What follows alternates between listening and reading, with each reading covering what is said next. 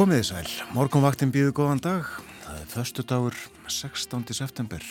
Klukkunum vantar nýjum mínutur í sjö. Hér setja Björn Þó Sigbjörnsson og Þórun Elisabeth Bóadóttir. Við verðum hér til nýju í dag, allt með hefðbundum hætti á morgunvaktinni á Ráseitt. Og við hugum að veðrinu, aðtöfum hvernig viðræði á landinu fyrir 50 mínútum klukkan 6 og sjáum í fljótu bræði að það er talsverður munur á hitastíginu, einstýrs frost það sem kaldast er, en 11 stíga hiti það sem hlýjast er. Og uh, vindurinn víðast hvar hægur og sumstaðar logg. Mér sínist uh, vera ímest heiðskýrt eða léttskíð. Nú eða allskíð, það er allur gangur af því. En uh, við fyrir hringin fjórastega hitt í Reykjavík klukkan 6 hægur vindur. Sunnan svona andvari og létt skið en einstiks frost á Kvanneri og uh, norðaustan 1 metri. Fjórastega hitti í Stikisholmi 2 metrar heiðskýrt. 8 gráður bæði á Patrísfyrði og í Bólungavík og 3 metrar á sekundu þar báðum stöðum suðvestan áttastega hitti á Holmavík 10 metrar 5 gráður á Blönduósi 11 stega hitti á Söðunisvita 4 metrar á sekundu þar 8 stega hitti á Akureyri og 1 metri allskíjað á Akureyri 7 gráður á Húsavík 6 steg á Rauvarhöfn 5 stega hitti á Skeltingstöðum og 2 stega hitti á Eilstöðum Logn þar og heiðskýrt 6 gráður bæði á höfni Hortnafyrði og á Kvískerjum. 4 gráður á Kirkjubæðaklaustri 9 stig á Stórhauða 4 metrar á sekundu og 1 gráða í Árnesi og Logn. Og uh, rauðar tölur á Hálendinu 2, 3 og 4 stiga hitti svona viðræði klukkan 6 en uh, verið hefur verið bísna gott á landinu síðustu daga. Sólinn skinið. Hvernig verður veðrið í dag, Þórun Elisabeth? Það verður að miklu leiti skíja í dag og smá skúrir víða. Suðvestlæg átt 3-10 metrar á sekundu en það verður samt bjart um landið suðaustanvert. Annar staðar samt skíjað sem fyrir segir. Hittin 5-15 stig líka hlýjast á suðausturlandi og uh, það er svo á morgun gert ráð fyrir hægri austlægri átt og uh, lítillu úrkomu. En á sunnudag vaksandi söðaustan átt og þá fer að regna sunnan og vestanlands setnipartin og söðaustan átt og víðarregninga mánudag lengst af þurft á norðausturlandi og myllt veður að deginum. Hitatölunar eru enþá svona ágetar uh, fjögur til tólfsteg á lögadag upp í 14 steg á sunnudag og 15 eh, steg á mánudag. Og gert ráð fyrir því svo að það verði áfram myllt veður dagana, uh, fyrstu daga næstu viku. Hæglætis veður sem sagt um, en smá regning í kortunum viða Það verður viða réttað um helgina eins og síðustu helgar Vegagerðin eh, vekur aðtekli á því að eh, síðdeis í dag þá má búast við umferðartöfum á veginum um þverárfjall vegna smölunar. Já, gangna menn að koma með söfni niður á fjöllum og uh, reka í áttað réttunum og svo verður líf og fjör víða um helgina trú ég. Það er helgi framöndan og margir fagna því fólk sem að vinnur svona hefðbundna feimdaga vinnuviku. Já. og uh, líklegt að uh, fólk var eitthvað átt í sveit uh, njóti náttúrunar uh, auðvitað margt fólk sem að fyrir réttir. En ímislegt uh, hægt að gera. Það er hægt að uh, virða fyrir sér svona höstlitina sem að aðeins er farið að bera á núna. En er hægt að fara í berjamú? Það er ennþá hægt, já og uh, svo er hægt að koma sér einhver vel fyrir og hlusta bara á fugglana Já.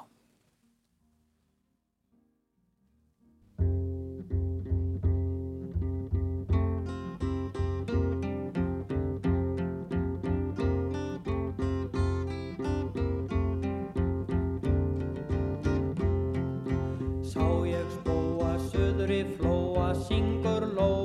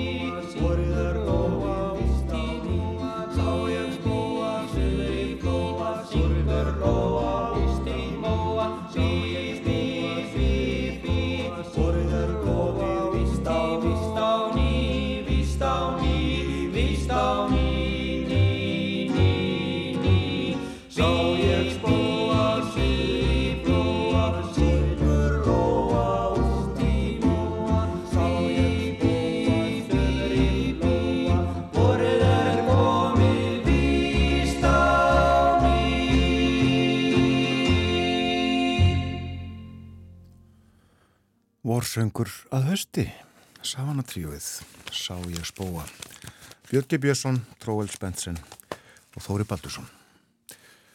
Og uh, já, söngur um spóan en uh, Lóan kom einnig við sögu og uh, Lóain fögur prýðir forsýðu morgunblaðsins í dag. Lítum betur í blöðin á eftir og förum við við dagskrána sem að tekur með að því að í dag er dagur íslenskrar náttúru og uh, við ætlum að fjalla um náttúruna, við ætlum að fjalla um tré og uh, ferðamenn á náttúruna og uh, friðlýsingar. En já, betur en þetta á eftir, eftir fréttir sem kom eftir smástund.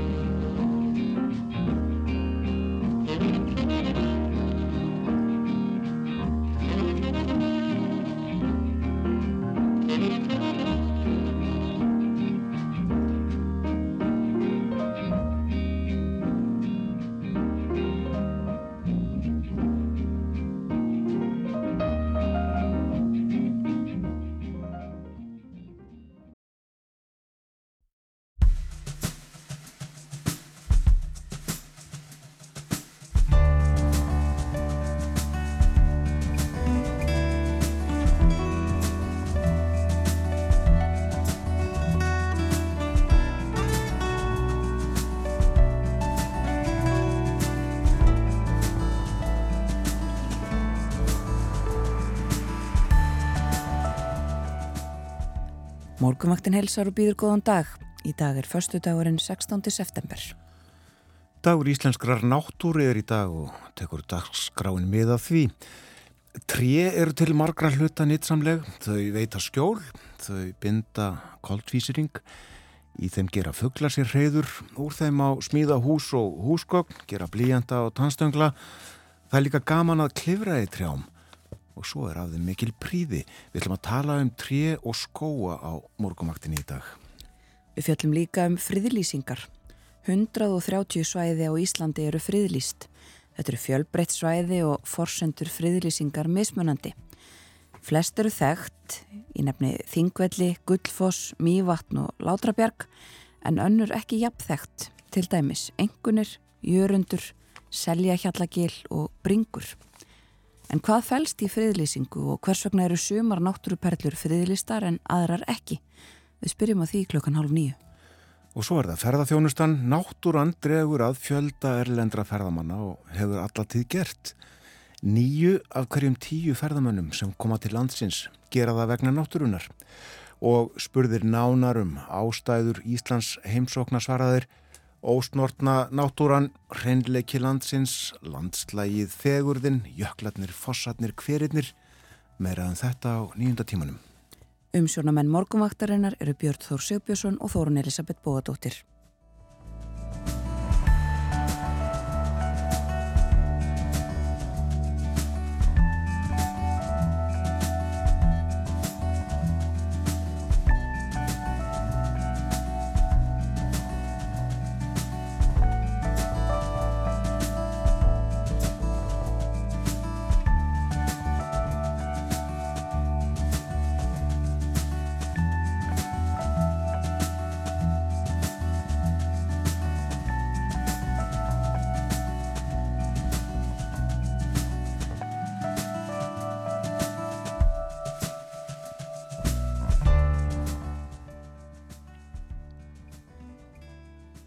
Ágættis veður víða um landið.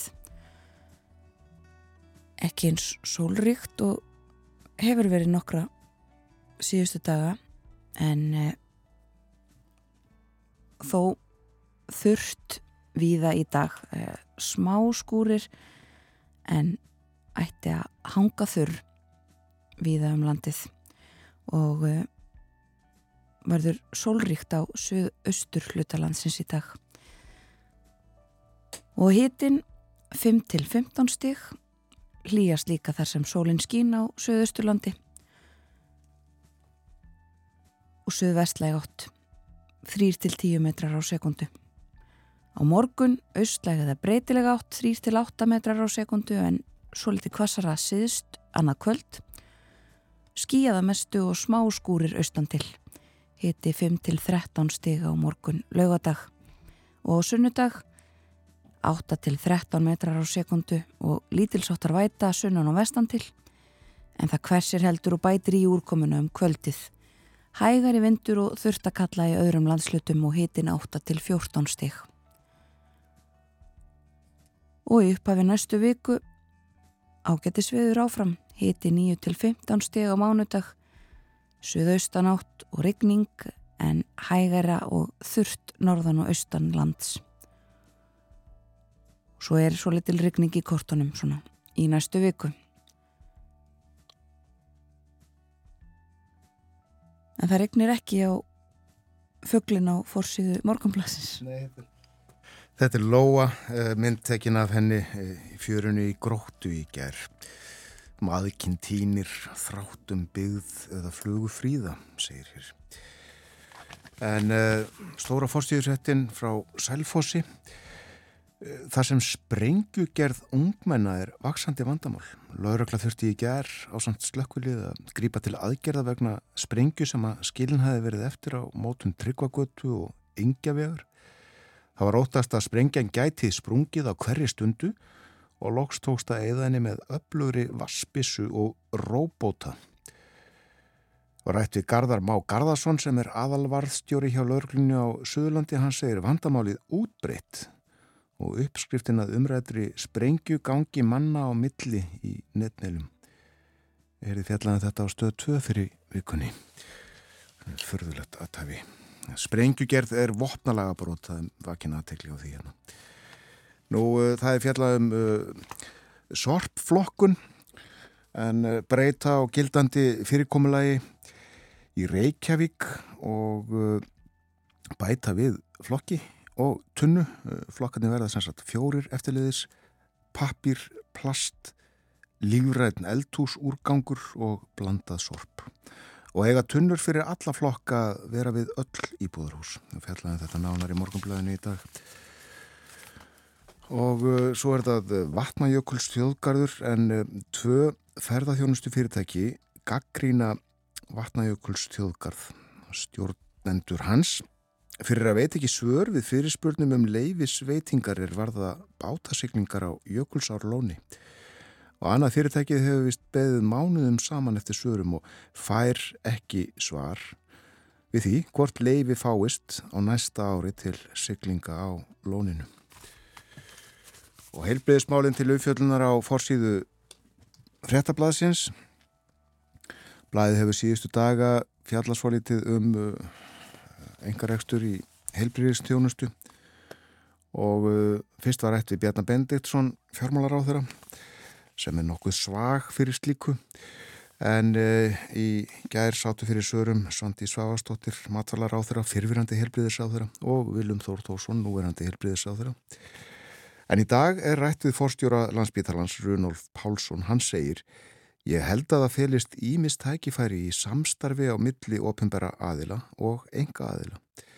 Og hann segir að leggja þurfi áherslu á skinsamlega verkaskiptingu milli hilsugjæslunar, enga rekinar sérfræði þjónustu og landsbítala og annara sjúkrása. Aðalatriðið er að við erum með þessar likil þjónustu einingar í heilbriðs þjónustunni sem sameinlega verða að ráða við þau verkefni sem við stöndum frammi fyrir. Því skiptir mjög miklu máli að við nýtum öll þau úrræði sem við búum yfir eins vel og mögulegt er. Nú, svo er það salan á Mílu, heitir það ekki Ardia, eitthvað svo leiðis, franska fyrirtækið eða sjóðurinn sem hefur keift Mílu út úr símanum og þetta var næstu í ársferðli en heimilt hefur loks fengist frá samkeppnisíðvöldum og uh, hér á forsýðu hrettablasins eru viðraðar áhyggjur uh, Björns Levi Gunnarssonar Þingmanns Pírata á því að uh, Erlend njóstnarstarfsemi gæti orðið fylgi fiskur þessarar sölu. Að sjálfsögðu geta svona viðskipti aukið hættu á njóstnum möguleikin er alltaf til staðar og þá þarf að vera hægt að girða fyrir svoleiðis Óri Haugsson, fórstjóri Símans, satt fyrir svörum í Kastljósi í gær og uh, svona áhugir voru borðnar undir hann. Hann sagði að, jújú, uh, jú, það er svo sem allt hægt en uh, þessi svona þekta njósnastarsemi í dag sem er stundu víða og af mörgum, hún fer fram með hugbúnaði, ekki með línunum sjálfum. En fjallaði um þetta í dag sem sagt í fréttablaðinu. Já. Og þetta var það helsta af útsýðum blaðana. Ég var að heyra eitt lag árum við lítum í Erlend blöð. Já. Dagur Íslenskra náttúru er í dag eins og við höfum nefnt og dagskrá þáttarins tekur með af því. Við erum svona líka aðeins með hugan við náttúruna í tónlistarvalinu. Við ætlum að heyra Ilju og þær syngja um Rauðansand, Rauðarsand. Lægið heitir á Rauðum sandi.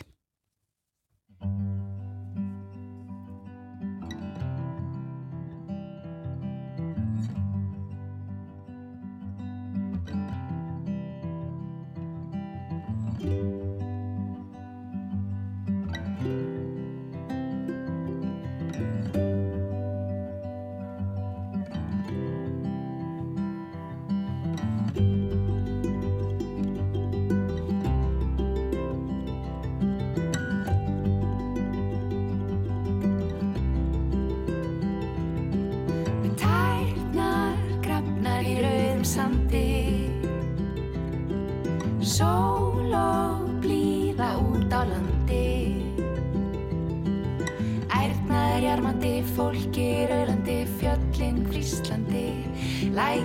svalandi mm -mm.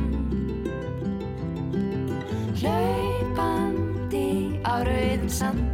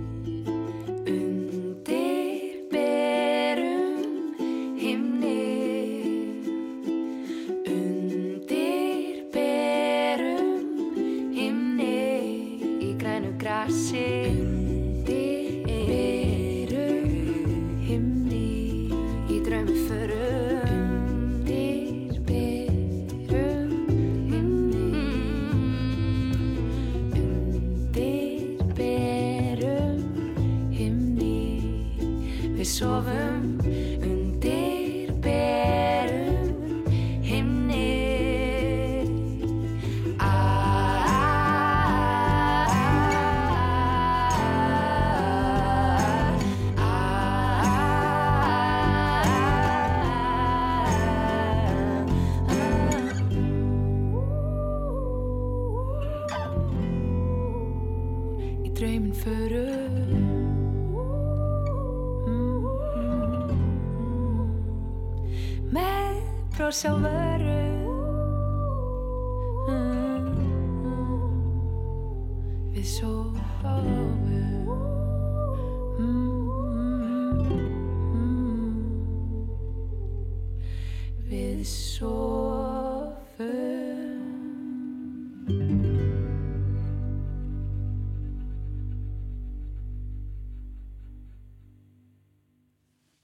á rauðum sandi. Ilja, Bjarti Sveinsdóttir og Guðni Gíja Skjaldardóttir sungu og við heyrum jafnvel fleiri lög sem að tengjast íslenskri náttúru á morgunvaktin í dag. En uh, stuttlega út í heim stærstu fréttinnar uh, í Erlendum miðlum í dag af uh, Úkrænu eins og svo oft og Rúslandi. Það vekur aðtikli að uh, Vladimir Putin, Rúslandsfósiti, viðurkennir að uh, kínverjar hafi líst yfir áhyggjum af uh, innrás þeirra í Úkrænu.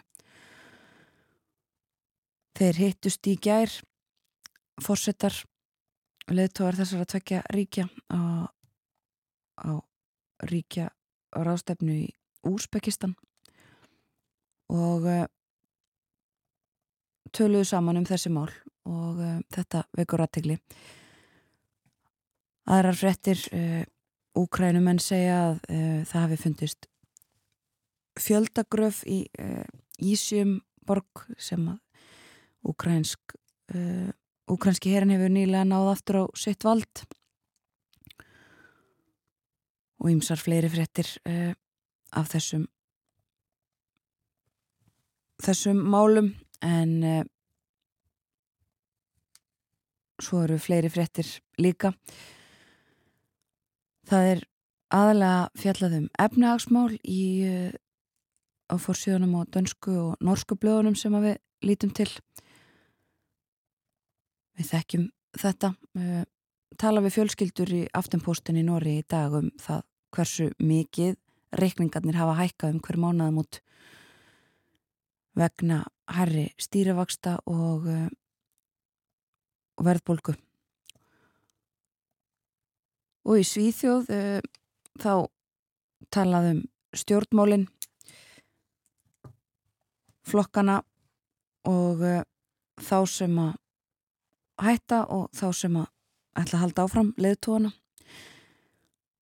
Og við þekkjum þetta nú orðið bresku blöðin með myndir af einhverju sem tengist uh, þjóðasorginni vegna út og vegna andláts Elisabethar drotningar en það er líka fjallað um orkumólin Liz Truss nýr fórsettisráð þeirra uh, að gera sig gildandi farin að tala um ímislegt ætlar að uh, gera breytingar á orkumálunum og uh, svo er líka að tala um það að fyrirtæki var yfir því að það sé einfallega of lítið aðgert og hjálpin komi of sent í orkumálum fyrir uh, fjölskyldur heimilinn í Brellandi að mun ekki duga til það sem að hún áformar. Og uh, ein frétt frá bandaríkjunum um, af innflytjandamálum það er uh, það eru deilur þar eins og viða annar staðar. Og í gær voru flugvilar af uh, fólki sem hefur leitað til bandaríkjana annar staðar frá um, 50 manns frá Venezuela og fólk annar staðar frá líka uh, flutt í flugvilum frá um, bæði Texas og Florida til uh, Martas Vineyard Vínegru í svona staður sem að ríkt og frækt fólk heldur til á uh, svona sumaleifi staður og ríkistjórar þessar að tvekja ríkja gera þetta til þess að reyna að setja þrýsting á bæta en bandaríkja fórseta um, í innflytjanda flottamanna málum þannig ég stað í í þeim deilum öllum í bandaríkjunum. Bárus líka fréttir að því er að uh, stuðningur við bætinn bandaríkjafórsetta hefur aukist. Við höfum fjallan það hér á morgunvaktinni að hann uh, var í lámarki held ég að megi segja uh, í sumar. Nú hefur stuðningurinn farið upp á við mælist meiri en það er samt en þá þannig að meiri hluti bandaríkjamanna er ósáttur við bætinn og það sem hann er að gera meira kannski verðlendum frettum svona eftir því sem liður á morgunin en nú aftur að íslenskri náttúru. Við höfum síðustu morgna lesið náttúrulýsingar úr gömlum blöðum og uh, gerum það enn í dag og uh, höfum nú yfir uh, lýsingu eða hlutár lýsingu Björns Jónssonar rittstjóra úr Ísafold frá 1895 uh, þá fór hann upp í Haugadal til að sjá geysi gjósa. Og Björn skrifar, þeir sem ætla sér að sjá geysi mega engu sinna öðru á meðan. Þeir verða að standa þar eins og dátar á verði nótt og dag. Að bregða sér eitthvað frá, þótt ekki sínum að fáinnar mínútur, er sama sem að eiga á hættu að missa af honum og fara ónýtisför.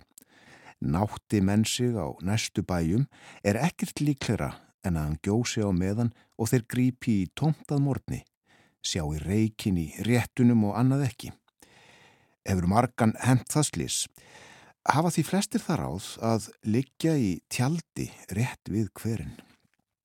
Óhætt er samt að taka á sig náðir, hans hátegn gerir jafnan vart við sig áður en hann byrtist með dunum og dingjum, líkast snörpum jótin er hvern tjaldbúa vekur af fastasvenni. Við félaga tveir og fylgdamaður hinn þriðji komum að geysi snemma dags. Við letum tjalda á grundinni rétt fyrir vestanan og vörpuðum þínast niður í hann 15 pundum af sápu sem er nýlega upptekið ráð til þess að örfa fjörans og hefur borist hingað frá Ameríku á að hafa verið týðkað við hveri þar í Yellowstone Park og velgifist.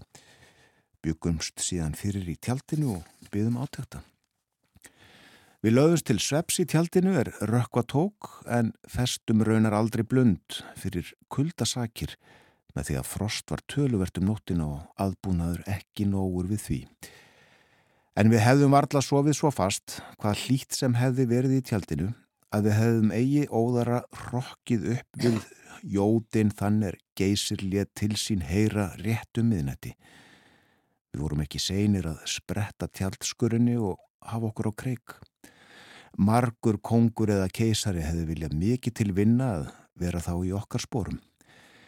Yfir heiðskýran heiminn þveran frá landnorðri til útsuðus lág breið og björt norður ljósrák einhver hinn fegusta sem ég hef séð. Og upp á miðjan þann skínandi boga sem byrtu lagði af eins og tungli í fyllingu lagði gós mökkin úr geysi og þyrlaðist síðan niður yfir hlýðina og dalin huldi alveg tjaldið sem við vorum ný skroppnir út úr Það var rennandi vott þegar við komum að því aftur. Auðvitað aðeins af gufu möknum sem var það dögger nýður kom en ekki af gósvatninu sem streymir jafnan bynd nýður í hverin aftur það sem ekki flóir út yfir barma hans og rennur burtu eftir læk fyrir ofan hann og austan allarleði niður í beina á. Með miklum dingjum, brestum, söði og fossnið þauð hver vass strókurinn og fætur öðrum hátt í loft upp tíu tólfatölu alltaf herra og herra þar til, þar til er öllu sletti í kyrð eftir svo sem 5-6 mínútur. Þá var hver skálinn gjör tæmt og þurr og langt nýður í pípuna, nýður úr henni að er okkur síndist. Sapnaðist svo seint í skálina aftur að eftir tvær til þrjár stundir var ekki komin nema velum botnin í henni. Merkilegt er það hver gósi var til að sjá sviplíkt myndum af eldgósi úr Vesúvíus nema mökkurinn kvítur og eldbjarmi auðvitað engin. Rétt áður en við lögðum af staðum morgunin klukkan 5 og áður en skálinn var orðin næri full, gerði geysir það sem við höfum síst við búist þá að hann létti sér upp á nýjanleik en miklu minna var það gós en hitt um nótina. Já, svona skrifaði Björn Jónsson rittstjóri Ísafaldar í blaðsitt 1895.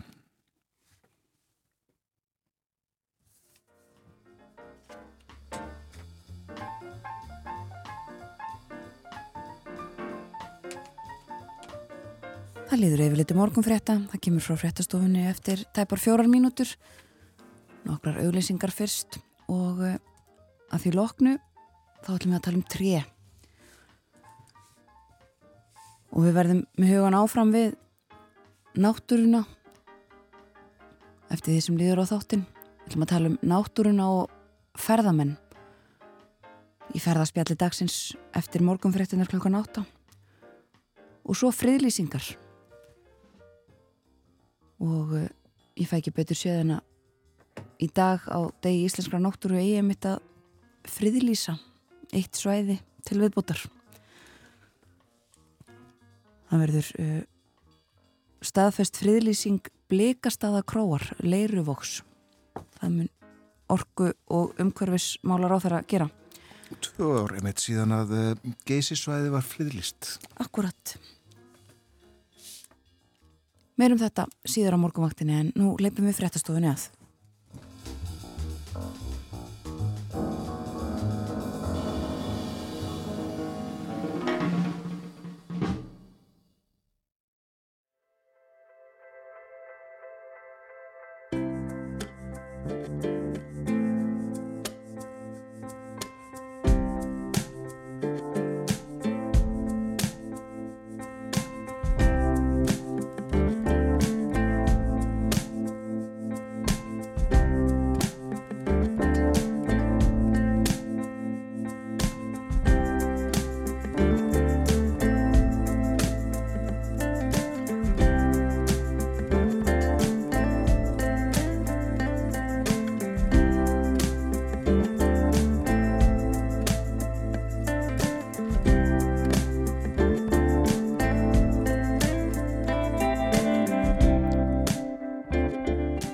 Aftur þér að hlusta á morgunvaktina á Rás 1 klukkan núna réttliðlega halv átta. Veg aðtikli aftur á því að uh, vegagerðin bendir á að búast má við umfyrratöfum á veginum þurrarfjall síðdegis í dag vegna smölunar og það er nú ekki ólíklegt að uh, slíkt verði upp á teiningnum víðar um landið í dag. Það verður rétt að viða á morgun og uh, sunnundagjafi líka. Það er þessi tími ársjú en uh, við uh, ætlum að fjalla eins og við getið um, um náttúruna með ýmsum hætti þennan morgunin dagur íslenskrar náttúru er í dag á fæðingar og afmælistegi Ómars Ragnarssonar. Og uh, hér næstu mínútur ætlum við að fjalla um tré og skóa en á mánudaginn var Tré ársins útnemt við hátíðlega aðtöfn. Tré ársins stendur í skóarlundi á kirkjubæðaklaustri næri Sistrafossi. Það er sittgagreni sem gróðusett var 1949 og er korki meirinni minna en 30 metra og 15 cm hátt. Það er hæsta tré á Íslandi. Og hér er Jónatan Garðarsson, formaður Skóraktarfélags Íslands. Velkomin til okkar. Takk fyrir og gleðilega hátíð. Gleðilega hátíð, já. Við ætlum að tala vitt og breytt um tré og skóa og ekki síst við að reyna að sjá fyrir okkur hvernig umhórs var á Íslandi fyrir svolítið löngu síðan, fyrir Ísöld. Hún hóst skils mér fyrir 2,5 miljónum ára eða svo. En uh, það er sem sé sagt að sitkagrenið á klaustri sé hæsta tré á Íslandi síðan fyrir síðustu Ísöld. Meira en það á eftir en Jónatan, ertu til í að lýsa þessu hæsta tré landsins fyrir hlustendum? Já, þetta er svona í þyrpingu eða það er nokkur tré sem hafa verið gróðsett þarna í eiginlega peitni línu og þarna var byrjað að gróðsetja strax eftir stríð þar að segja kringu 1945-6 aðala byrki og um 40.000 plöntu setta niður var, þetta var allt gróðsett, þessu var ekki sáð og síðan nokkrum árið setna, fjórum árið setna með fjórum árið þá var farið að setja aðra plöntu niður þar að með að sitka greni og þessa plöntur er í, í brattri brekku þannig að það er talsverður raki sem að þær fá, þær fá góða næringu. Og þessi trí hafa síðan vaksið hægt og rólega. Lengi vel þá var voru hægstu trían á tumastöðum aspir og, og fleiri stíktré í fljótslið en þetta trí tók fram úr svona já, fyrir kannski 10-15 árum. Og þetta er, þetta er sagt, það eru fjögur, fimm tré sem eru svona nánast að keppast um það að vera hæsta tríð þetta er sínu hæst. Það munar ekki miklu á hinnum en það eru fleiri tré sem að hefðu geta náðu þessu, það var tré þarna við Sistrafors nærri honum. Sittagreini sem var felt fyrir tónleikum mörgum árið síðan sem var í raun og veru miklu efnilega og hefði orðið tölvert hærra fyrr ef það hefði gjörið felt en það var bara út af því að fossi vildu láta sjá fossin betur. Já, Já. Þetta er auðvitað dásanlegu staður þarna á klustri Algjörlega, og þetta er brekkan hann að beint upp af uh, bænum eða það sem að uh, núna er bleikjueldi. Klusturseldið, já, bleikjan. Og uh, það er ekkit margir sem átt að sjá því það er að ganga upp þennan að þessum trjám. Það eru stígar þarna, það er hlið og svo er opið svæði til hliðar og stígur og uh, mjög þægilegt að ganga þarna upp, til dæmis upp á hæðina þarna fyrir ofan og einhverju sem gera það en, en fæstir átt að sjá því og bara akka þarna fram og aftur og sjá eiginlega ekkert engin tré. Já, og þetta hveti ég mitt fólk til að fara þarna alla leið upp að sístra vatni sem er þarna. Já, þarna fyrir ofan, Já. það er leiðin nýri gegnum skógin Já, akkurat En sko, Jónatan 30,15 metra hátt uh, setjum þetta bara aðeins í samiki hvað hva eru trí húsokörðum almennt á? Þau geta verið svona hátt í 20 metrar. Uh, það sem þau eru hæst það er talsett af mjög háum trjám í Reykjavík í Moselsbæ uh, við Varmáð þar sem að Sigurður Tómasson býr þar eru mjög hátrið og er sennilega hefði Sigurður og, og þau átt metið ef að trið hefði ekki fallið fyrir nokkrum árum. Þessu 8-10-15 ár síðan að það fjall og það var mælt eitthvað um 27 metrar fallið. Þannig að það hefði verið herra en það er tré það sem að geta alveg ná þessari hæði en svona almennt eru, eru tré svona á bylnu tveir og upp í 10 metrar. Já. og ef við tölum um byrki sem dæmi sko þá eru hæsti byrkjutré á Íslandi þau eru svona kringum 15, 15, 16, 17 metrar gætu ekki saman á 20 metrum en byrki lifir ekki með lengi. Það er svona 100-150 ár. Þá fallaðu, þau verða fúin og fiskin og falla og svo bara koma nýju trið upp á rótum. Þannig að þessi íslensku skóatrið eru þau mun aldrei ná þessari hæð eða við vitum ekki til þess að þau mun ná þessari hæð En uh, býða þessi örlög uh, svitkagrinni sinns á, á klaustri, mun það uh, drepast einhver tíman eða mun það bara vaksa og vaksa? Já, þetta er svona 50-700 ár. Það lifur svona lengi. Já, sko ef að svitkagrinni fær að vaksa áfram, það vex upp í kannski svona 70 metra hæð, langbæsti skilir getur hann á 90 metra hæð og þá byrjar það bara að gildna og verður bara gildar og gildara og eins og, eins og hérna þessar stóru fyrur í bandarækjunum sko þetta eru trið sem er hægt að hækka en þau eru ennþá að, að breyka þannig að ég veit ekki, við verðum náttúrulega ekki á stanu til að fylgjast með því en þetta gæti alveg gæst að þessi tré nái hátt í 100 metra hæð og, og verða svo bara gríðarlega breið. Já. þess vegna er mikilvægt að það sé langt á milli trjána Fólk þarf að hafa það í huga þegar það plantar. Já, sko hér eh, 1899 þegar var að byrja að gróðsetja í fyrirreitnum á Þingvöllum þá var sett 10.000 tré á hektara. Núna er talið að það er ekki að setja nema kannski 2000, 2500 hámark 3000 á hektara. Það fer eftir sko hvað á að gera við trén ef þetta er að vera viðartré beinvaksinn tré sem á, á að nýta í, í, í efni við þar að segja efna niður og búa til timbur úr því.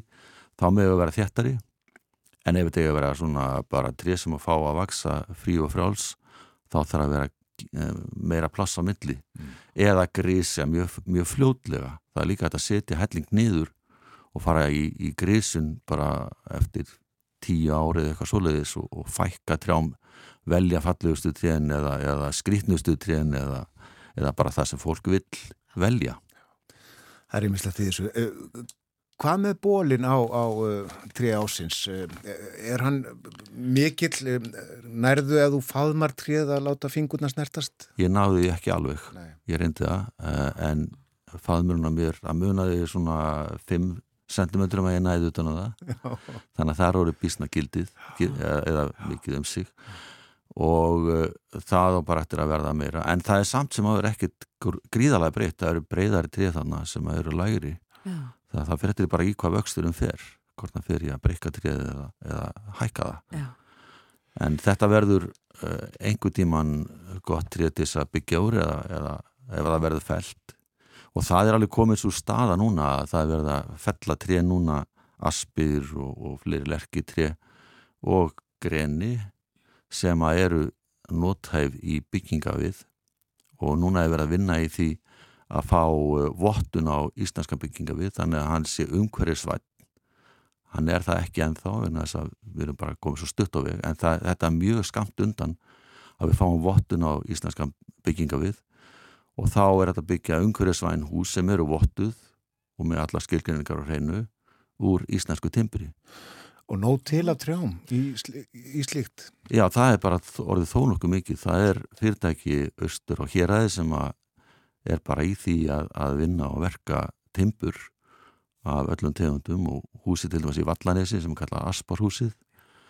Það er allt úr íslensku við, úr skóginum þar sem er ekkert svo gamall. Já. Þannig að þetta er alveg gerlegt og við möttum að sjá mjög mikið af þessu á næstu árum að, og fólk er nú þegar farið að panta íslenskan við í sín hús, í parkett klæðningar eh, meiri segja í burðarvið öspin mjög fín ef, ef hún er límt saman þá er hún mjög sterk og hún er sveigjaleg og það er gott er að hafa smá sveigju þannig að við erum, við erum komin miklu lengra heldur en kannski áttum okkur á. En samt er bara 0,5% landsins eh, með gróðursettum trjám og 1,5% er byrki, kjarr og svona víðir og annað sem er þá lágveksið og það er nú hérna voru að koma til landsins í gær. Efrióskir fulltrúar skortafélaga þeir eru að funda núna um helgina og ég er að fara að fund með þeim eftir átegi og þau sögðu það náttúrulega skilgjarninga að þetta hvað er skóur Já. þeim finnst ekki vera skóur í Íslandi en, en þau sem hafa komið hérna áður þeim finnst Ísland hafa breyst verulega mikið og grænka verulega frá því að komið síðast, ekkit Já. endilega bara, bara skói heldur yfir landgræðsla líka vaksið verulega og, og landið er orðið miklu grónar heldur en það var Já. Sjáum það þetta á söndunum á Suðurlandi til dæmis. Já, Sem í sum tilvíkum er eiginlega ekki hægt að tala um sandalengur. uh, nei, ekki, ekki beltin sem eru næst veginum en svo ef þú ferð aðeins út til þá er náttúrulega allt, þá er bara sandur ennþá Já. og ef við horfum tilbaka þá var Ísland sennilega vaksi byrki og, og víði og eini og, og, og fleiri tegundum reyni kannski blæjösp uh, þegar landnámsmenn komið til landsins uh, það hefur sennilega verið svona 40% landsins sem hefur verið vaksið einhverjum viði eða einhvers konar kjarri Þetta er rétt í kringum þúsund. já, já, eða um 900 Mm. svo gekk gríðalega hratt á þetta tók ekki nema 250 ára að eyða þessu öllu þetta var brent og notað til kóla beit, það var á vetrabeit þannig að við gengum með rætt á landið. En ef við förum aðeins aftar í tíman svona 2000 ára aftur í tíma þá var sennilega hálendið meira minna vaksið einhvers konar viði. Þannig að við sjáum upp skóaleifar upp í 6, 680 metra hæð. Þessu útgöngu það í, í þósmörk Það er mjög merkilegt. Já. Og alla mýrarnar drumbabót sem er þarna fyrir neðan fljótslýð það hefur flóði sem að tók þau tré hefur verið bara nokkrum árum fyrir landnám. Og þar voru, voru svona 600 tré á hektara. Stór og mikil og gild byrkitré og uh, þetta sem þú veist að segja núna þetta er auðvitað byggt á rannsóknum á efnum í jarlugunum Já, búið að rannsaka þetta mjög mikið. Það búið að rannsaka miklu meira heldur en kannski almenningur átt að sjá. Og ef við förum enþá aftar að þá voru náttúrulega alls konar tré hér á Íslandi fyrir langa löngu síðan. Meðan að Ísland voru, voru kannski tvær, þrjár eigjar á þann að miðhálendi var til, sem var til í eldgósum að þá var hérna, þá voru förur og rauðviður og, og lerki og þinur og, og bara hvað eina, eigur hvað þá annað Það er aðtiklisvert að í, í fréttumatri ásins þessu réttrumlega 30 metra háu þá var tiltekið að þetta væri hæsta trí á Íslandi síðan fyrir síðustu Ísöld. Já, eftir Ísöld þá breyttist flóra náttúrulega verulega. Og þessi skóartrið stóru eins og, eins og bara greni og, og fura og fleira og, og lerki og allt þetta sem hafði verið hérna, sem er að sjá í steingerfingum til dæmis á vestfjörðum og eins á östfjörðum þau verðast ekki hafa náð sér aftur á stryk mm. þannig að byrki tímin tekur við en það var alltaf margt fleira heldur en byrki, það var fura og, og greni hérna en síðan rakar þessum trjám vegna þess að kólnar. Og kuldi þarna fyrir þennan tíma fer í aldrei undir frostmark og það skiptir náttúrulega verulega máli. En við erum náttúrulega á þeim tímum núna að það eru lostasbeitingar og það getur verið að hlýni hér eitthvað meira, við vitum það náttúrulega ekki neitt. En við þurfum að rekna með því. Byrkið á í, í mjög mikil vörn núna, það eru alls konar uh, óværur sem hafa komið inn til landsins núna í gegnum alls konar uh, já, bæði innfluttan við og, og, og kurl og hitt og þetta við veitum ekki alveg hvernig þetta hefur gæst þannig að byrkið er bara allt sumar að berjast við einhvers konar pöttur já. og eins og við sjáum núna þá er það mjög brúnt. En byrkið er rosalega duðlegt að, að sá sér, það dreifir sér hraðar en nokkur önnu tegund. Ef einhver, einhver skóategund er ágeng þá er það íslenska byrkið og það náttúrulega fyrir göngufólk sem þarf að fara að ganga ekki um byrkiskóa það er ekkert mjög þægilegt gamli göngustíða að gróa upp og svo framvegis Fólk kemur rispað út úr þessu Já, það gerir það Já. og þetta, þetta er náttúrulega bara kjarr Já, einmitt, sem að erlendu skórættamennir myndu kannski ekki þælja til skóa eins og Nei, þetta er áðan. alls ekki skóur 305 metrum er ekki skóur Nei. í þeirra huga En uh, sko, einmitt, þú segir þetta með byrkið, er það aðalega byrkið sem á þá núna í, í erfileikum? Eða, Víðirinn líka Já. Eh, svo náttúrulega eiga einhver bartri erfiðlingum en, en þau endur nýja nálatnar þannig að það er ekki vandamál en Já. sko, ég veit, ég átta mig ekki á því hvert það er hægt að gera eitthvað varandi byrki því að það tekur hver pattan við af annar ég veit ég um tala, tala um það eða Mm. þetta er alltaf þyrrinda lifurur og, og flugur og svo framvegis sem verpa ég vel inn í sko fræin sjálf inn í blöðin þannig að það er erfitt að eiga við þetta Og menn greinir á um hvort það rétt sé að eitra eða ekki Já, þú, það skilir mjög vel. Eitur er náttúrulega aðskota efni í náttúrunni og kannski eiðist ekki. Já, það er eitur Og svo er, svo er hérna einn ágætu vinnu minn sem að, uh, er líffræðingur, hann vil fara að flytja inn nýja versputegundir sem geta eitthvað að þessum pöttum. Já, Ég veit ekki hvort að það verður samþygt, en það er gert í gróðurhúsum. Það eru flugur sem að frjóka og, og svo flugur sem að geta óværu og, og svo framvegis. En hann er mjög harður á því að það er að skoða þetta. Þetta Já. var gert í Kanada. Náttúran kann nefnilega að sjá um sig Hún sér um sig sjálf þegar maður leifir henni það eða hjálpar henni til þess. En hvað ætli þið eh, að ræða á, á þessum fundi sem þú sagðir okkur frá áðan að, að, þú sækir eftir hátegi í dag? Það er margt að ræða. Menna sko, það eru víða í heiminum að því að lostaspenningarnir eru þá þarf að huga tegundavali. við getum þurft að huga mjög alvarlega því á Íslandi einhverja tegundum muni lifa af, aðra muni drepast. Uh, búsæði færast til. Það, eru, það er mikil ógn af hitum í Evrópu. Þau kvarta öll yfir því, þetta er allt Evrópubúar að það hefur verið gríðarlega heitt í sumar og, og trefn fá þá ekki næringu og vatnið er náttúrulega næring. Og skóar eldar. Og gríðarlega skóareldar og það er aðal hættan út um allt núna, ekki bara í Evrópu, það er í Ástrali, í Bandaríkjunum og hvað sem er.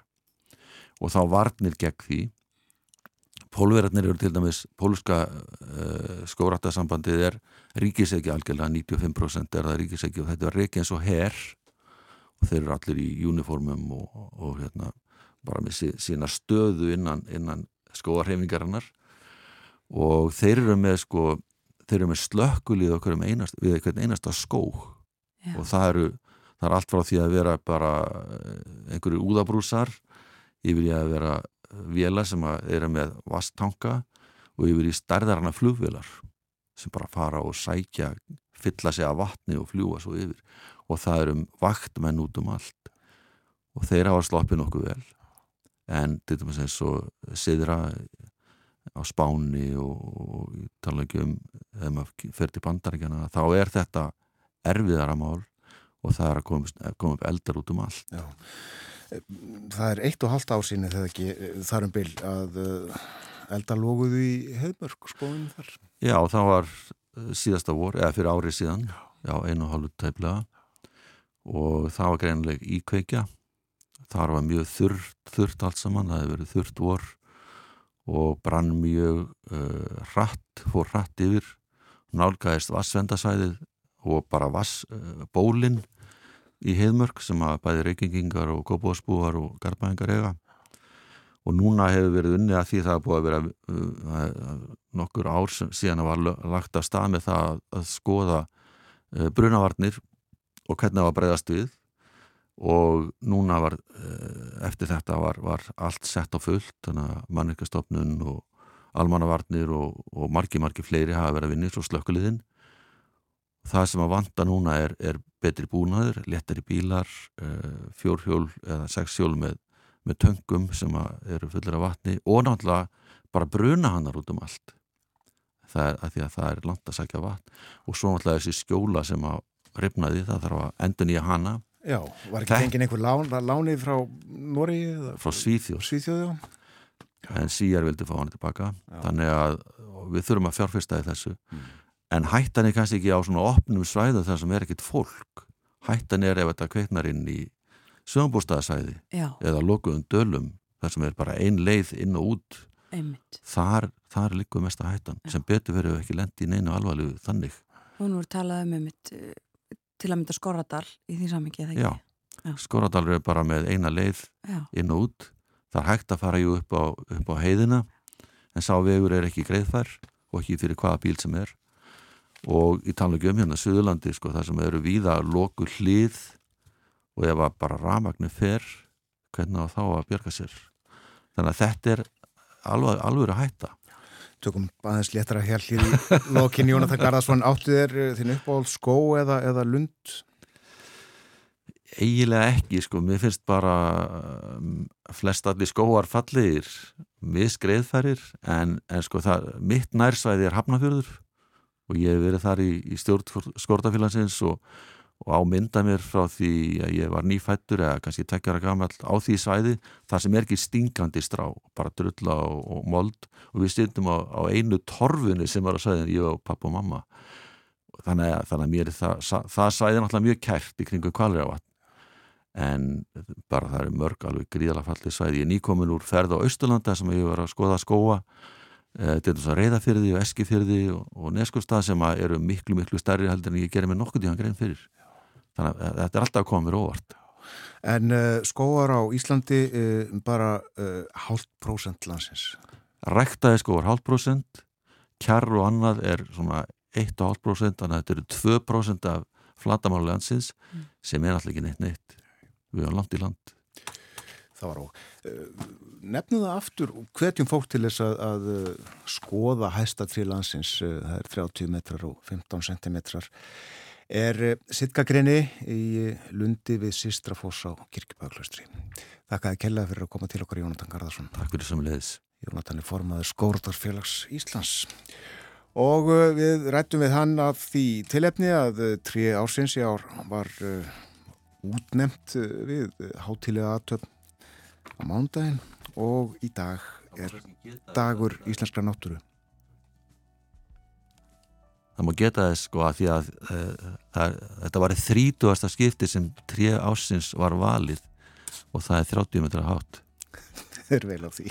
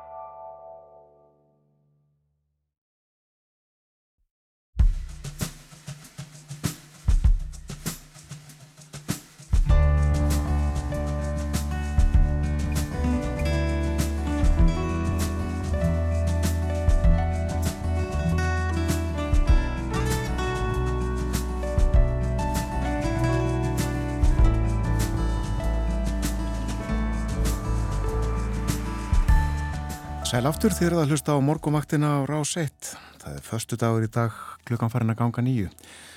Við höfum hugan við náttúruna þennan morgunin. Dagur íslenskrar náttúru er í dag 16. september. Töluðum á hann um trí og skóa við Jónatan Garðarsson, formann Skóraktarfélags Íslands. Töluðum meðal annars um uh, hæsta trí á Íslandi sem er 30 metrar og 15 centimetrar að hæð, nýmælt og um, það getur orðið talsvert hæra eins og hann sagði okkur. En uh, er í dag uh, býstna lítið uh, svona meða við trið til dæmis í bandaríkunum rísa fyrutinu þar sem að verða kannski 150 metra ára eitthvað sliðis. Já, einmitt. 0,5% landsins ræktaður skóur og svo 1,5% til viðbútar kjarr og, og svona náttúrulegar skóar kjarrið telst ekki til skóa samt viðast hver annar staðar en á Íslandi. Hjá okkur uh, upp úr hálf nýju verður Eva Sólan sem að starfar hjá umhverjastofninu við ætlum að tala um friðlýsingar. En uh, friðlýst svæði á Íslandi eru rúmlega 130 og eitt bætist við í dag, eða ekki? Jú, við um, fengum upplýsingar um það. Það er meðal atbyrða á degi íslenskra náttúru. Guðlugur Þór uh, umhverfis orku og loftslagsmála ráþæra uh, mun verða viðstattur staðfestingu á friðlýsingu blikastaða króar, leiruvoks þetta verður uh, fyrir áti í dag. Svo má nefna það ráþæra verður líka uh, með fleira á dagskráni hann mun aðfenda náttúruverndar viðurkenningu Sigriðar í Brattolti eins og venja er á þessum degi það verður síðtegis í dag. En hann byrjaði e, daginn eins og við heyrðum í fréttunum hér áðan í viðtali á Rástföðan en e, Íslensk náttúra, náttúran hún e, dregur hinga til hans e, fjölda ferðamanna og e, lætur nærri að nýju af hverjum tíu ferðamannum sem hinga að koma að gera það út af náttúrunni. Kristján Sigurjóns og Rittstjóri Túrista, góðan dag. Góðan dag. Ja, Þetta er bara staðfestið það ekki? Jújú, jú, þetta sína þessar árlegu kannanir ferðamálastofu að það er engin váið í að hérna, fólk kemur til Íslands vegna náttúrunnar og, og, og þegar fólk er svona spurt hvað heitli mest þá talar fólk svona um að það sé þessi ósnorta uh, náttúra og, og reynleiki landsins og margir tala um hvað landi Íslands sé einstakt og svo hafa svona allavega konunin fyrra síndi að eldsumbrot þau laða nú líka fólk til landsins það var svona kom, var ofalega blæði í fyrra en hefði verið árin á undan. Já, Ætli þið sama eigi við um mörg önnu lönd nálátt okkur?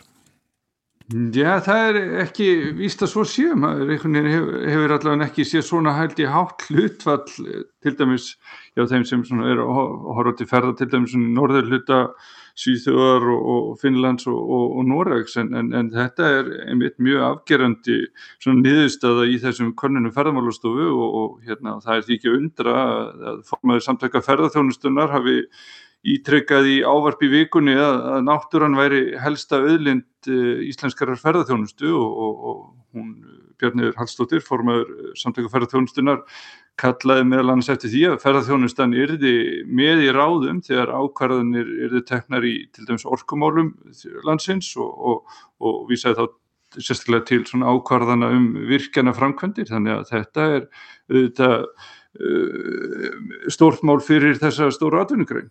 Fyrir faraldur var talsvært talað um mikinn ágang á uh, náttúruperlum. Uh, það hefur lítið hirt um það í sumar. Já, það hefur náttúrulega margt breyst. Það hefur verið, Fram, framkvæmtasjóður ferðmannastada hefur náttúrulega fengið tölvert fjármagn til þess að, uh, haft út tölvert fjármagn að móða til þess að ráðast í allskins framkvæmdir á, á, á ferðmannastöðum. Þannig að aðstæðan er orðin betri og ágangurinn kannski þá vonandi orðin betri en, en hérna það er náttúrulega auðljóst að það þarf að, að fara valega í þessum efnum, það er þessi bæði hvernig er bara uh, hvernig þessi, þessi mannverki eru hönnuð og, og, og svo fylgjast með að endingin sé góð og, svo hefur náttúrulega verið vísað í þetta að, að það þarf að passa betur upp á margar staði yfir vetramániðina til dæmis þegar snjór og, og, og hálka, það hefur verið skortur á kannski að vegi sér ruttir og, og svo fram eftir guttunum. Og ég hef ekki talað lengi um mikilvægi og nöðsinn aðgangsstýringar.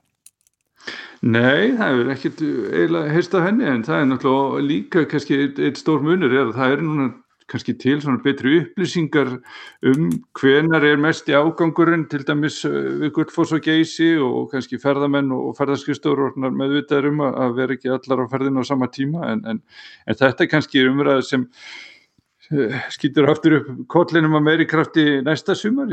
Ekki, en það voru tölvöld margir ferðamenn á Íslandi í sumar þannig að þetta er kannski við getum verið svona vongóð um að þetta vandamál sé svona nokkuð inn úr sugunni Já.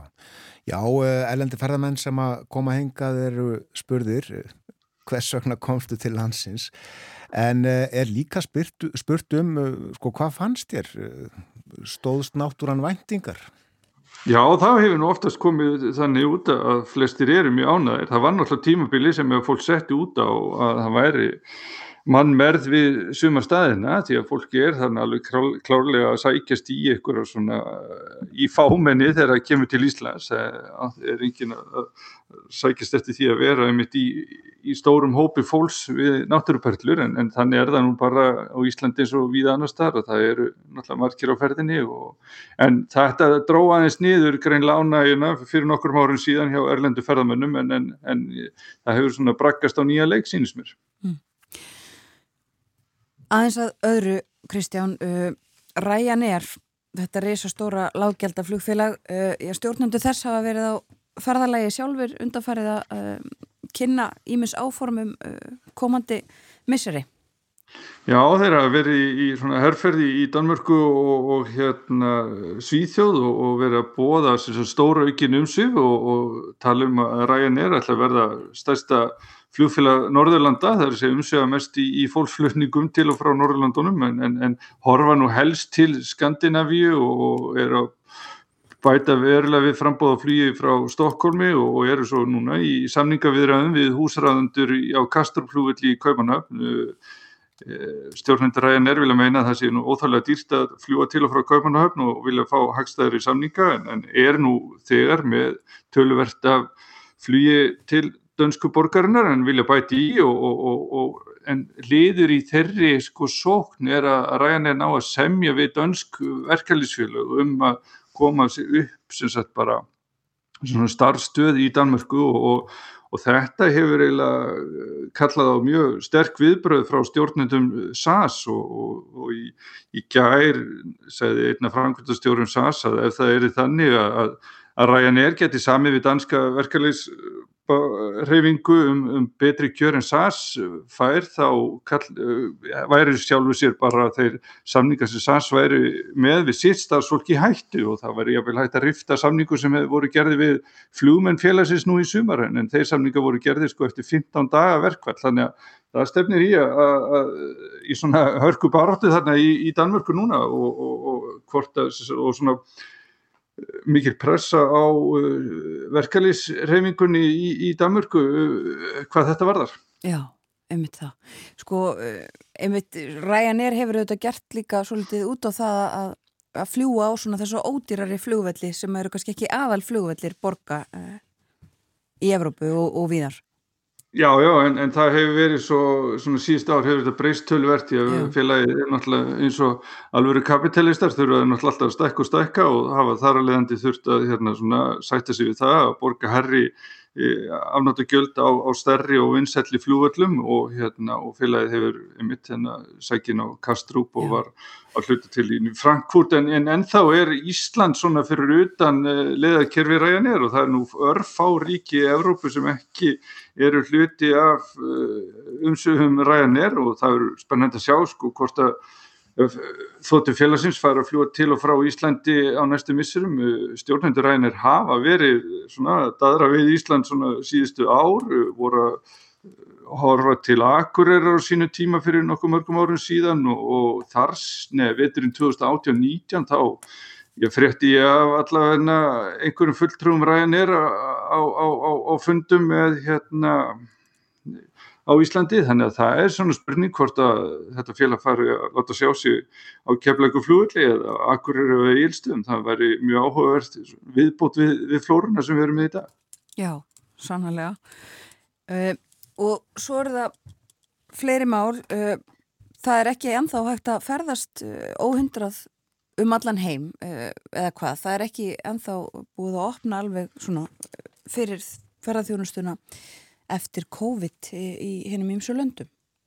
Nei, er eins og til dæmis í, í Kína, það er en það er út fyrir erðlenda ferðamenn að komast þangað og, og, og Japanir hafa í sjálfu sér ekki opnað alminnilega, ætlaði samt að stíga eitthvað skref núna og, og uh, fjölga leifunum, það er að segja, má, haf, þeir hafa verið með svona uh, eitthvað þakum að komum 20.000 ferðamenn á dag, það, það fari upp í 50.000 en, en áfram verið gerð krafa um að, fólk sé ferðast sko í hópum á vegum ferðaskristofa þannig að og svo krafa fælinn náttúrulega klálega marga frá því flesti vilja kannski fara um á eigin vegum og, en, en ferðarþjónusta í Japan hefur verið mjög stóra atvinnugrein fyrir heimsvaraldur og, og árið 2019 komið ákveð sko 32 miljónir ferðamanna Eh, þessum af þess ári er þetta svona hálf miljón þannig að þetta er alveg gríðaleg breyting. En, en svo sína nú kannanir vist í, í Japan að það er tölver anstaða það er í landi við að opna landið alminlega og, og, hérna,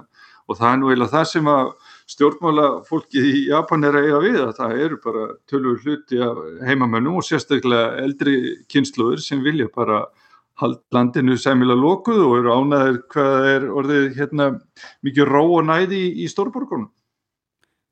Já, það er svo sem eitthvað sem við þekkjum viða, er ekki allir sáttir með ferðamannaströym eh, í borginni eða þar sem það á heima en um, eins og segir ferðamennska hefur verið töluverð í Japan uh, og þetta lítur að hafa verið högg þar eins og annar staðar þar sem að ferðarþjónustan er stór.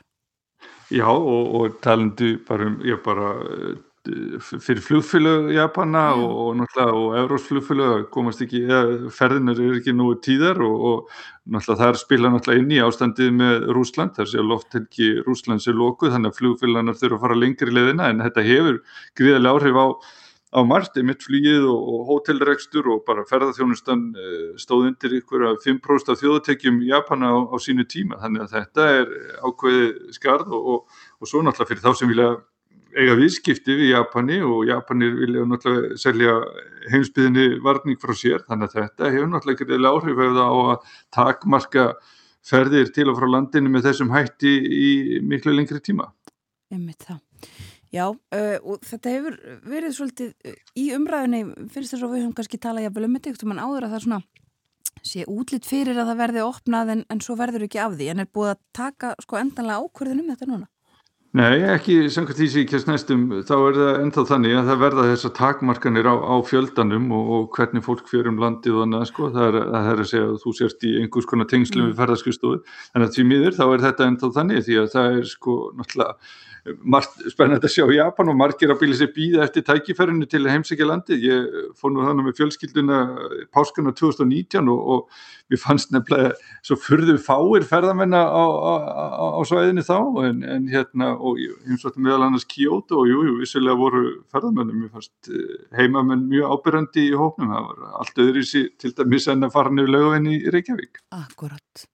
Já, við fylgjumst áfram með þessu. Takk fyrir ferðarspjalli þessa vikuna Kristján Sigur Jónsson, rittstjóri Túrista. Takk fyrir mig.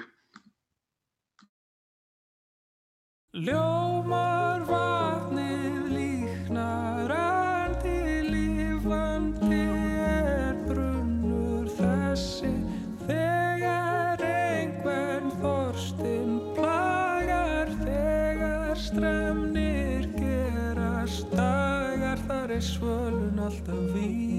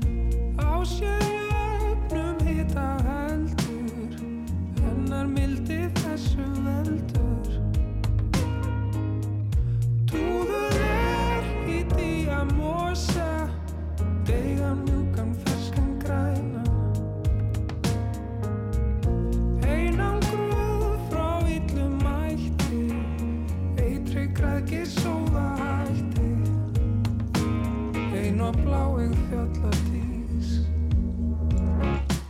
Í hörku gati ekki frís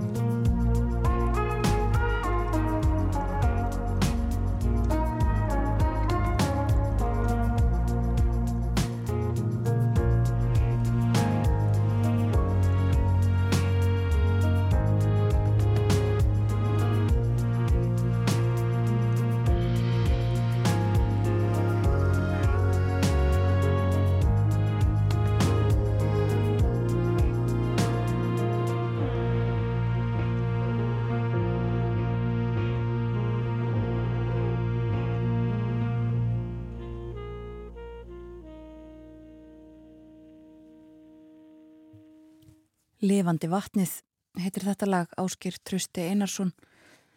Hann samti líka lagið og fadir hans Einar Georg Einarsson, textahöfundurinn, talað þarna um mósan og vatnið og brekkuræturnar,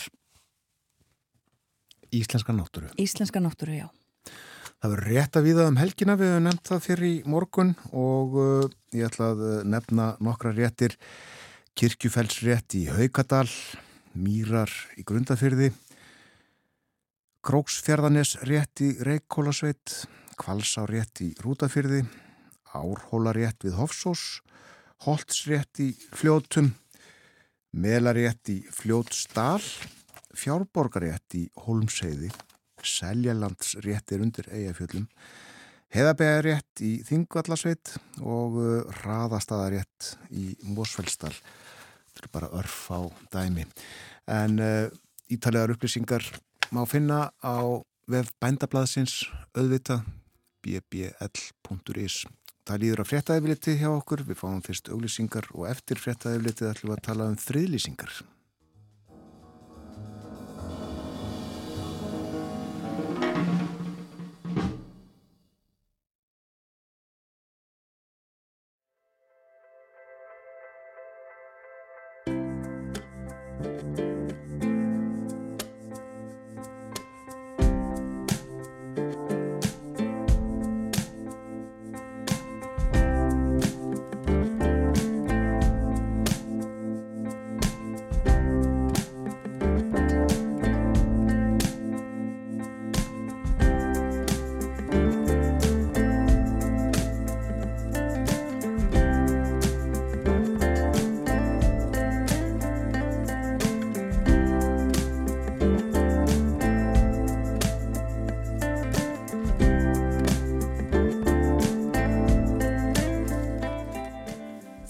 Hlusta á morgunvaktina á rás 1, það er förstu dagur í dag, síðasti hefðbundi vinnitagurinn í þessari viku.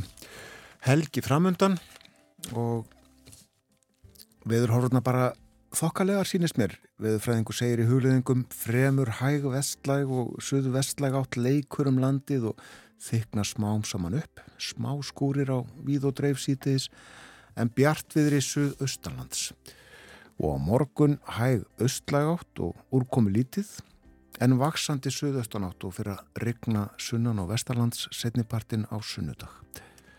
Og á mánudag suðaustanátt og víða regning en lengst af þurft á norðausturlandi. Mild veður að deginum og það þýðir kannski 10-12 steg að hitti eitthvað svo leiðis. Og við erum með hugan við íslenska náttúru. Það er dagur hennar í dag. Fyrir í morgun rettum við um skórekt, skóa á Íslandi. Jónatan Garðarsson, formaður skórektafélagsins, sað okkur frá þeim málum. Það eru eitthvað í kringum 2% Íslands þegar að allt er meðtalið sem geta talist skói í vaksin. Þá tökum við kjarrið með. Og uh, svo er það ferðamenn og náttúran. Það eru yfirgnæfandi meiri hluti þeirra sem að koma hingað til Íslands gera það vegna náttúrunar. Næri nýja af hverjum tíu segja það samkvæmt konunum sem hafa verið gerðar. Og náttúran stendur undir væntingum þeirra. Koma hingað til þess að upplifa fjöllin og fossana og allt hitt sem hér er. Og við höldum áfram að eh, hugsa um og tala um íslenska náttúru og náttúru perlur. Já, það eru eiginlega náttúruperlu við hvert na- fótmál á Íslandi. Á náttúru minjaskrá eru fleiri náttúru undur staðir og svæði en ég get talið og uh, þau skiptast í þjóðgarða, friðlönd, náttúru vætti, fólkkonga, búsvæði og reyndar fleiri flokka. Og í tilöfum dagsins ætlum við að fjalla um uh, náttúru verndina, hvernig við pössum upp á allar þessar náttúru perlur með lögum og reglum, en þar gegnir friðlýsing mikilvægur hlutverki. Friðlýst svæði eru rúmlega 130 talsins og af ímsutægi, mörg þekkir hvert mannsbarn eins og þingvelli, en líklega þekkja færri engunir og selja hjallakil. Hvað en það? Hingaði komin Eva Sólan lögfræðingur. Hún starfar í friðlýsingateimi umhverfistofnunar. Velkomin til okkar. Takk fyrir. Já, við ætlum að spjalla vitt og breytt. Segð okkur allra fyrst hvað fælst í friðlýsingu. Já, friðlýsing er, e, það felur í sér í raun og veru staðfestingu e, á stöðu svæðis. Þannig að þetta er eins konar gæðastimpill sem að skapar svæðinu þann sess að sem það hefur ekki haft áður um, og í raun veru um ofinbera viðkenningu á mikilvægi svæði sem það ræða. Þannig að þetta er, við erum með e, gersemar sem er lítið til af og við viljum passa upp á þær og ummerki mannsins verða æg meiri. Þannig að ósnorti náttúra, hvort sem það er lífriki, landslag eða jarmyndanir er, er takmörku öðlind og með frílýsingusæðis að þá fælst í því lofvort um að varveita e, svæðið, einkenni þess, sérkenni og svo framvegis. Þannig að þetta er, þetta er ákvörðun um vend og þetta er ákvörðun sem að ráð þeirra tekur viðkomandi málaflokki og þessari vend geta fyllt ímsa takmarkanir bæði á heimildum til að framkvæma innan þessara svæða. E, við setjum oft reglur um landnótkun og, og jarðrask, etc. Og jafnvel á sumum svæðum og þá þurfum við að takmarka aðgang að svæðinu þannig að því verði ekki raskat. Og svona ef það er nöðsynlegt til þess að ná markmiðum friðlýsingarinnar. E, þannig að þau geta markmiðin standa til þess að tryggja að svæðið, tryggja náttúran fái þróast á sínum eigin, eftir sínum eigin lögmálum og án íhlutunar mannsins. En það er þó ekki þannig að, að á friðlistu svæði megi ekki hreyfa við neinu? Nei, það er alls ekki þannig og, og svona yfirleitt er verið að horfa til þess hvernig getur við venda svæðið og á sama tíma veitt aðgang að því. Og þess vegna koma líka frílýsingaflokkarnir inn í og þeir eru mjög mikilvægt tæki sem við höfum til í raun og veru átt okkur á því hvað þetta tiltekna svæði inn í hvaða flokk það passar að því að þá áttum okkur á því hvaða reglur þarf að setja vendagildi svæðana sem eru til skoðunar þegar verið er að frílýsa það er metið af Náttúrufræðistofnun Íslands. Þeir það, kannski, það getur komið úr ýmsum áttum þessa tillögur að frílýsingu svæðis. Þau, þau geta komið vegna þess að þetta er á náttúruminniskrá eða, eða landi undur stundum óska sjálfur eftir frílýsingu svæðisins eða sveitafélögin og þetta í raun og veru fer alltaf í sama mati. Við óskum eftir mati frá náttúrufræðistofnun, stundum fleiri stofnunum, minnjastofnun, hafransoknastofnun, eh, náttúruvendastofum, þannig að það eru margi sem geta komið að því þessari ákvörinu hvort hvort það er grundvellur til friðlýsingar. En þegar við erum búin að fá matið og, og það er ljóst að það er hérna grundvellur að þá byrjum við að reyna að finna út úr því hvaða flokk þetta fellur í. Flokkarnir eru mjög svo mistrángir. Við erum til dæmis með frílýsingaflokk sem heitir Nátturu V og það má eiginlega segja að þá má takmarka til dæmis mjög aðgang að svæðinu og, og í raun og veru banna allar aðtapnir sem að geta spilt markmiði vendarinnar.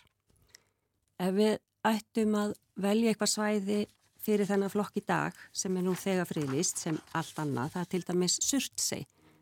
Það er raun og veru bara svona rannsókn á ræðslugildi það mikið að það má enginn fara í surtsei nefnum við sérstaklega leifi. Þannig að í dag er því surtsei friðlist sem náttúrvið en á sínum tíma, það náttúrulega er raun og veru friðlist fyrst 1965 að þá vorum friðlist sem friðland og það er bara vegna þess að friðlýsingaflokkanum í nýju náttúrufendalögum þá fjölgaði þeim. Þannig að þeir eru í raun og veru svolítið ítalegri, þeir taka núna mið af svona alþjóðlegum leiðbenningum frá alþjóðlegu náttúrufendasamtökunum og IUCN. Þannig að við höfum í þessum nýju náttúrufendalögum og þá er þessum leiðbenningum þeirra fyllt vel eftir og við, þannig að friðlýsingarnir flokkarnir eru sambarilegir við þá flokka sem að þau nefna. Ef við erum til dæmis næsti flokkur sem er líka svona svolítið strángur og það er óbyggð výðerni og hinga til er bara eitt svæði sem við höfum friðlist sem óbyggt výðerni og það eru drángar á ströndun sem að friðlist í fyrra. Og þar eru raun að veru þá er bara friðlýsingin þannig að við viljum auðvitað miða því að varvita einkenni svæðisins. En það er þessi einveru þáttur og kyrðartilfinning sem að óbyð viðarni þurfa að hafa. Og það er mjög mikilvægt að það skemmist ekki eða spillist. Þannig að það eru svæðið þú kemur hann á svæðið og það átt að geta upplifað einveru þannig að þú upplifir því í óbyðum Og langt í næsta veg. langt í næsta veg og langt í ummerki af mannlegum aðtöfnum til dæmis hús og svona. En það eru samt þessi alþjóðlegu viðmi að þau gefa ákveð sveigrum bæði geta svæðin verið þannig að þau e, geta með tímanum orðið meira óbyggt. Þú veist þá er stemt að því að fjarlæga mannleg ummerki eða þá að eða þá að það er bara kannski einhver lítill hluti svæðisins sem að er með einhver mannleg ummerki en hann er það lítill í svona stóra samhenginu að það raskar raun og verið ekki þessari víðernis upplifum fólks. E, síðan, þetta er, þetta er svolítið sérstakur flokkur og hann er mjög sjaldgafur og það eru fá óbyggð víðerni eftir á heimsvísu og, og hérna. Þannig að það, það þarf að standa vörðum þau og það er einmitt líka eitt af markmiðum náttúruvendalagana, það er að standa vörðum. Já. E, síðan eru það þjóðgarðarnir. Þar eru reglurnar ekki svo strángar því að þanga viljum við fá fólk. Þeir hérna, við viljum, e, þetta er yfirleitt stór svæði, þau eru lít snortin og þau hafa geima sérstætt landslag eða lífríki, jarðminjar, eitthvað sem að er verðt að venda og þeir geta líka skipa bara mikilvægan sess í, í hugum fólks þannig að það getur líka verið ei- eitt Já, þú veist og, að teki með inn í það. og þá tölum við um þingvelli. já þá tölum við meðal annars um þingvelli sem að er náttúrulega fyrsti fyrsti þjóðgarðurinn og í raun og veru bara held ég fyrsta frílista svæðið af því að það er frílist þarna 1930 það sem er kannski sérstætt líka við e, þingvelli er það náttúrulega alþingi er stopnað þannig að þetta hefur svona sérstakann sess í hugum fólks og, og hann er raun og veru friðlistur sem svona æfinlegur helgistaður Íslendinga.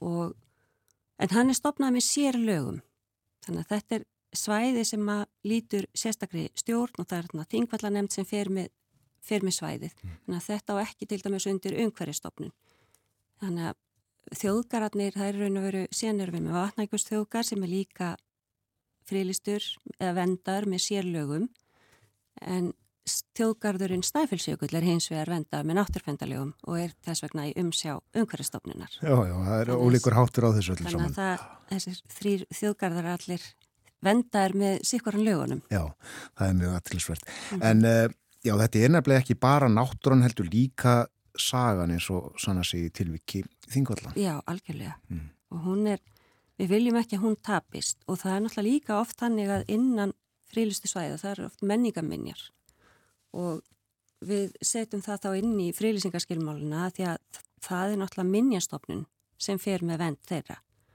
Og þá vísum við í raun og veru bara til þess að um menningaminjar og vend þeirra fari samkvæmt lögum um menningaminjar og þannig að minjastofnun á oft sinn fulltrúa þegar verið er að vinna frílýsingu eða vinna vend, stjórnunar og vendarállunum um frílýsingar og þá óskum við eftir fulltrúa frá þeim.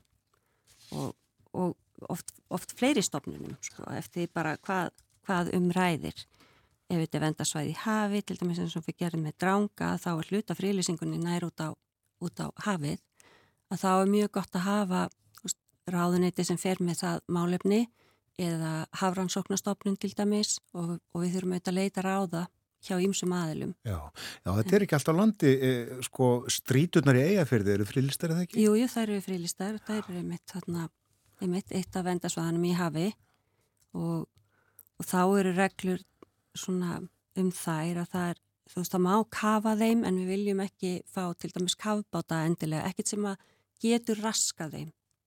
Þannig að þá, uh, þú veist, vitum við ekki alltaf hverslas kafbátar, hvað er mikið útstreymi frá þeim, geta er skafað hverastrýturnar, en svona einn og einn kafari, það, það ætti að vera óhægt. Já. Þannig að þetta er svona, við erum alltaf að horfa á e, mögulegar aðtapni mannsins hvað þær geta haft í för með sér. Og auðvitað þegar fyrstu frílýsingarnar voru að þá voru til dæmis drónar ekki til Þannig að í þessum gömlu friðlýsingum að þá hefur ekkert verið gert ráð fyrir dróna umferð á þessum friðlýstum svæðum. Þannig að þá þurfum við oft að fara svona ofan í skilmálnokki hvað er verið að venda og hvers vegna. Er þetta kyrðatilfinningin, er þetta, þetta fugglar sem að kunna fælast á varptíma eða fartíma ef það er dróni og, og þetta er svona þá þurfum við mjög ofta að leita til fugglasérfræðinga, náttúrustofa, náttúruvend, náttúrufræðistofnunar. Þetta er eitthvað sem kemur svolítið bara óvænt og eitthvað sem að ekki var séð fyrir þarna frá öndverði. Já. Er þá drónaflög uh, bannað sem sagt í, í, í, í, þeim perlum uh, og þeim svæðum sem eru til dæmis óbyggð výðerni? Það væri allan að skýr merki um, um mannlegar aðtapnir að hafa drómna seimand yfir sér þegar þú ert að njóta einveru og kyrðar. Já. Þannig að það væri eitthvað sem að þyrrt að vera háðu leifi hverju sinni. Þú veist, það væri þá í einhverjum, við til dæmis heimilum það ef þetta eru vegna björgunar og leitar aðgerða eða eftirlit, eftirlit landeðanda með yksinni. Þannig að það eru þessi sérstöku tilvik sem að fá undanþáur en almennt er svona, já, ekki heimilt að hafa dróna. Það er sjálfsagt að sækja um leifi fyrir því og þá er það bara skoðað hverju sinni en, en, að, en að svona ofin heimilt hún er ekki til staðar. Nei. Við hefum nefnt hér, uh, já, surt seg til að mynda stríturnar í eigafyrði og fleiri staði sem eru svona, já, já úr alfara leið, uh, Já, út í hafi eða út í sveit í óbyggðum en, en uh, svo eru friðlist svæði líka í uh, þjettbílum sveitafélugum í. Reykjavík til dæmis Já, já. tvö allavega held ég á Seltjarninesi bæði bakkatjörn og gróta. og gróta Já, þannig að þetta er víða já, já, þetta er viða. Þarna erum við kannski svolítið að það sem að, það kannski, hvað maður að segja, fólk þarf þetta að kynna sér það reglur sem að gilda á því svæði sem það er statt á og það er kannski bara svona gerð pínlítið krafa um að fólk gerir það en hins vegar er, eru fræðislu skilti á þessum svæðum og það er útskýrt hvað er sérstættu svæðið og hvernig friðlýsingin er. Því að til dæmis yfirleitt eru þessi svæði friðlönd og sáflokkur er í raun og veru þú veist, þá erum við ofta að horfa til þess að við erum að venda tiltekna vistgerðir og búsvæði, við erum að styrkja tegund lífvera sem eru sjálfgjafar eða í hættu, jafnvel á válistum og þá er heimilt samkvæmt þessum frílýsingaflokki að hveða um aðgerðir sem eru nöðsynlegar til að, að hlúa og mæta þessum þörfum tegundana þannig að vendin hún beinist svona að því að við halda búsaðanum að vist gerðum og þá eru við frekar að horfa til þess að kannski takmarka umferð á vissum tíma ársins kannski og á tilteknum stöðum ekki svæðun í heild heldur kannski það sem er mesta fugglavarpið yfir ákveðin tíma yfir varptíma, yfir fartíma og ef það er nöðsynlegt til að ná markmiðin frílýsingarinnar þannig að við, við skoðum alltaf, við erum aldrei að banna eitthvað bara til þess að banna það heldur alltaf þessi öryggisvendil er þetta nöðsynlegt og uh, uh, nýjasta svæðið uh, bætist við í dag? Já, nú bætist nýtt svæði við. Það er blikastaðakró leirivógur sem að liggur innan bæði Reykjavíkur og Mósesbæjar, þannig að sveitafélögin standa þessu saman. Og þarna er, þetta er svolítið falin perla, það lætur ekki mikið yfir sér svæðið en þarna hafast alveg fjölmarkar fuglategundir við og ábyrðategundir Íslands. Og svo er þetta mikið um leiru og og leira á höfuborgarsvæðinu, það er ekki mörg svæði sem eru óröskuð. Þannig að hún er gífilega mikilvæg. Og einmitt í dag þá erum við mikið að horfa líka til bara lofslags aðgerða, hvernig við getum staðið okkur vel í þeim. Og leira er einmitt alveg kjörinn, hún er hérna bind, bindur kólefni og svona binding á flatareiningu mjög mikil, þannig að þetta er í raun og veru hefur tvöfalt gagn, skiljið. mm. Ekki engungu fyrir fjöglategundirna sem hafa statna við heldur líka í þessari vegferð sem við þurfum að, að fara í að bara miklum krafti að hafa jákvæða áhrif. og má þá nefna að uh, margir óttast að, að uh, leirurnar í Mósusbæ skemmist ef að sundabraut verður löð með tiltaknum hætti? Já, við vorum, við höfðum samráð einmitt við vegagerðina, mörkin voru uppaflega öðruvísi teknuð og við höfðum vegna þess að samráð við e, vegagerðina upp á sko hvernig, hvar vegurinn myndilegja, hvernig brauti myndilegja og við værum möguleg ekki þá alveg ofan í því svæði. Þannig að við nýguðum mörkunum þannig að þetta væri nú ekki röskun að hún lægi beint yfir frílista svæði þannig að en við teljum nú að við teljum í raun og veru að þetta mun ekki raska leirónum þó að sundabraut komið þarna yfir. Og við óskuðum alveg sérstaklega eftir ég mitt mat á þessum tætti frá náttúrufræðistofnun sem var sammál okkur í þessu að þetta að þarna myndi, þú veist að sundabrautin sjálf myndi ekki raska raska leirónum hins vegar getur margt annað gert að, veist, að svæðið þornar upp eða, en það eru þetta eitthvað sem við getum kannski ekki séð fyrir í dag en, og vonandi gerist það ekki en, en við vitum alltaf aldrei hvað, hvað framtíðin ber í skauti sér bara með þessar loftlagsbreytingar sem að allir standa fram að fyrir. Jú, jú. Já, uh, það verður staðfest friðlýsing uh, blíkastaða króar og leiru voks í dag. Uh. Er þetta langt ferli? Er langt síðan að þú fórst að vinna að þessari staðfestingu? Já, þetta er langt ferli og bara svo dæmis er tekið að þá er til dæmis Látrabjarg sem að flestir halda sér búið að vera friðlist í ára tugi að það er, er friðlist í fyrra og friðlýsingin þá er búið að gera nokkrar atrennur að henni og þegar friðlýsingin e, raun og veru var staðfest í fyrra þá var hann búin að vera í vinslu í tíu ár sem er ágættist tími en, en blikastaðakró leirifógur hefur verið e, þar hefur þetta gengið mjög hratt mjög hratt og allir við höfum ekki verið kannski tæft ár. Og eru mörg svona verkefni á þínu borði?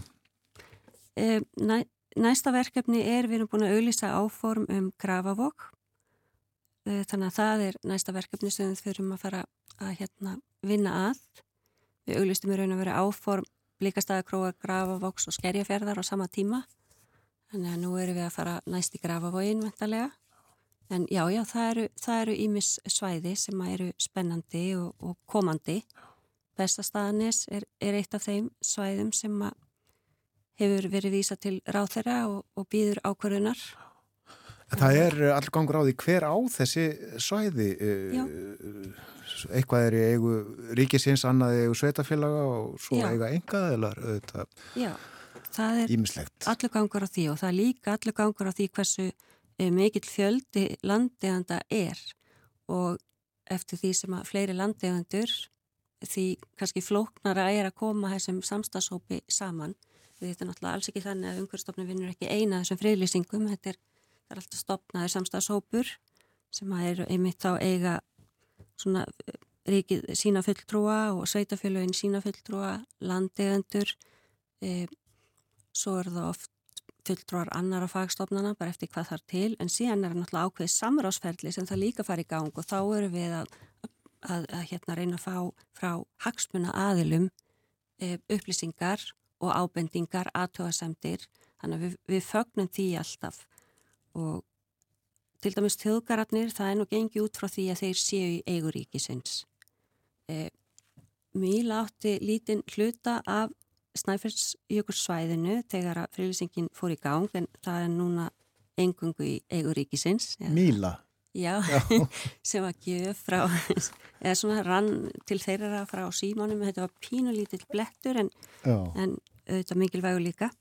Síðan eru til dæmis óbyggð viðerni það er lögin gera ráð fyrir því að þetta sé í ríkiseigu en svo óvennilega hátta til að þetta er í enga eigu og að það voru landi undir sjálfi sem óskuðu eftir frílýsingunni. Þannig að það er, eh, svo frílýsing er bara mjög sérstaklega marga vegu. Þetta er mjög sem hætti greinlega. Þakkaði kellega fyrir að koma til okkur á morgunvaktina Eva Sólan. Takk kellega. Eva Sólan er uh, lagfræðingur hjá umhverjastofnunir í friðlýsingateiminu þar. Og þetta var síðasta viðtali hjá okkur á morgunvaktinni þennan morgunin. Við fjallaðum náttúruna. Dagur íslenskrar náttúru í dag, 16. september. Já, og eins og við gerum stundum þá hvetjum við hlustendur til þess að fara út í náttúruna. príðis tækifæri til þess í dag og um helgina. Njótiði helgarinnar, verðið sæl.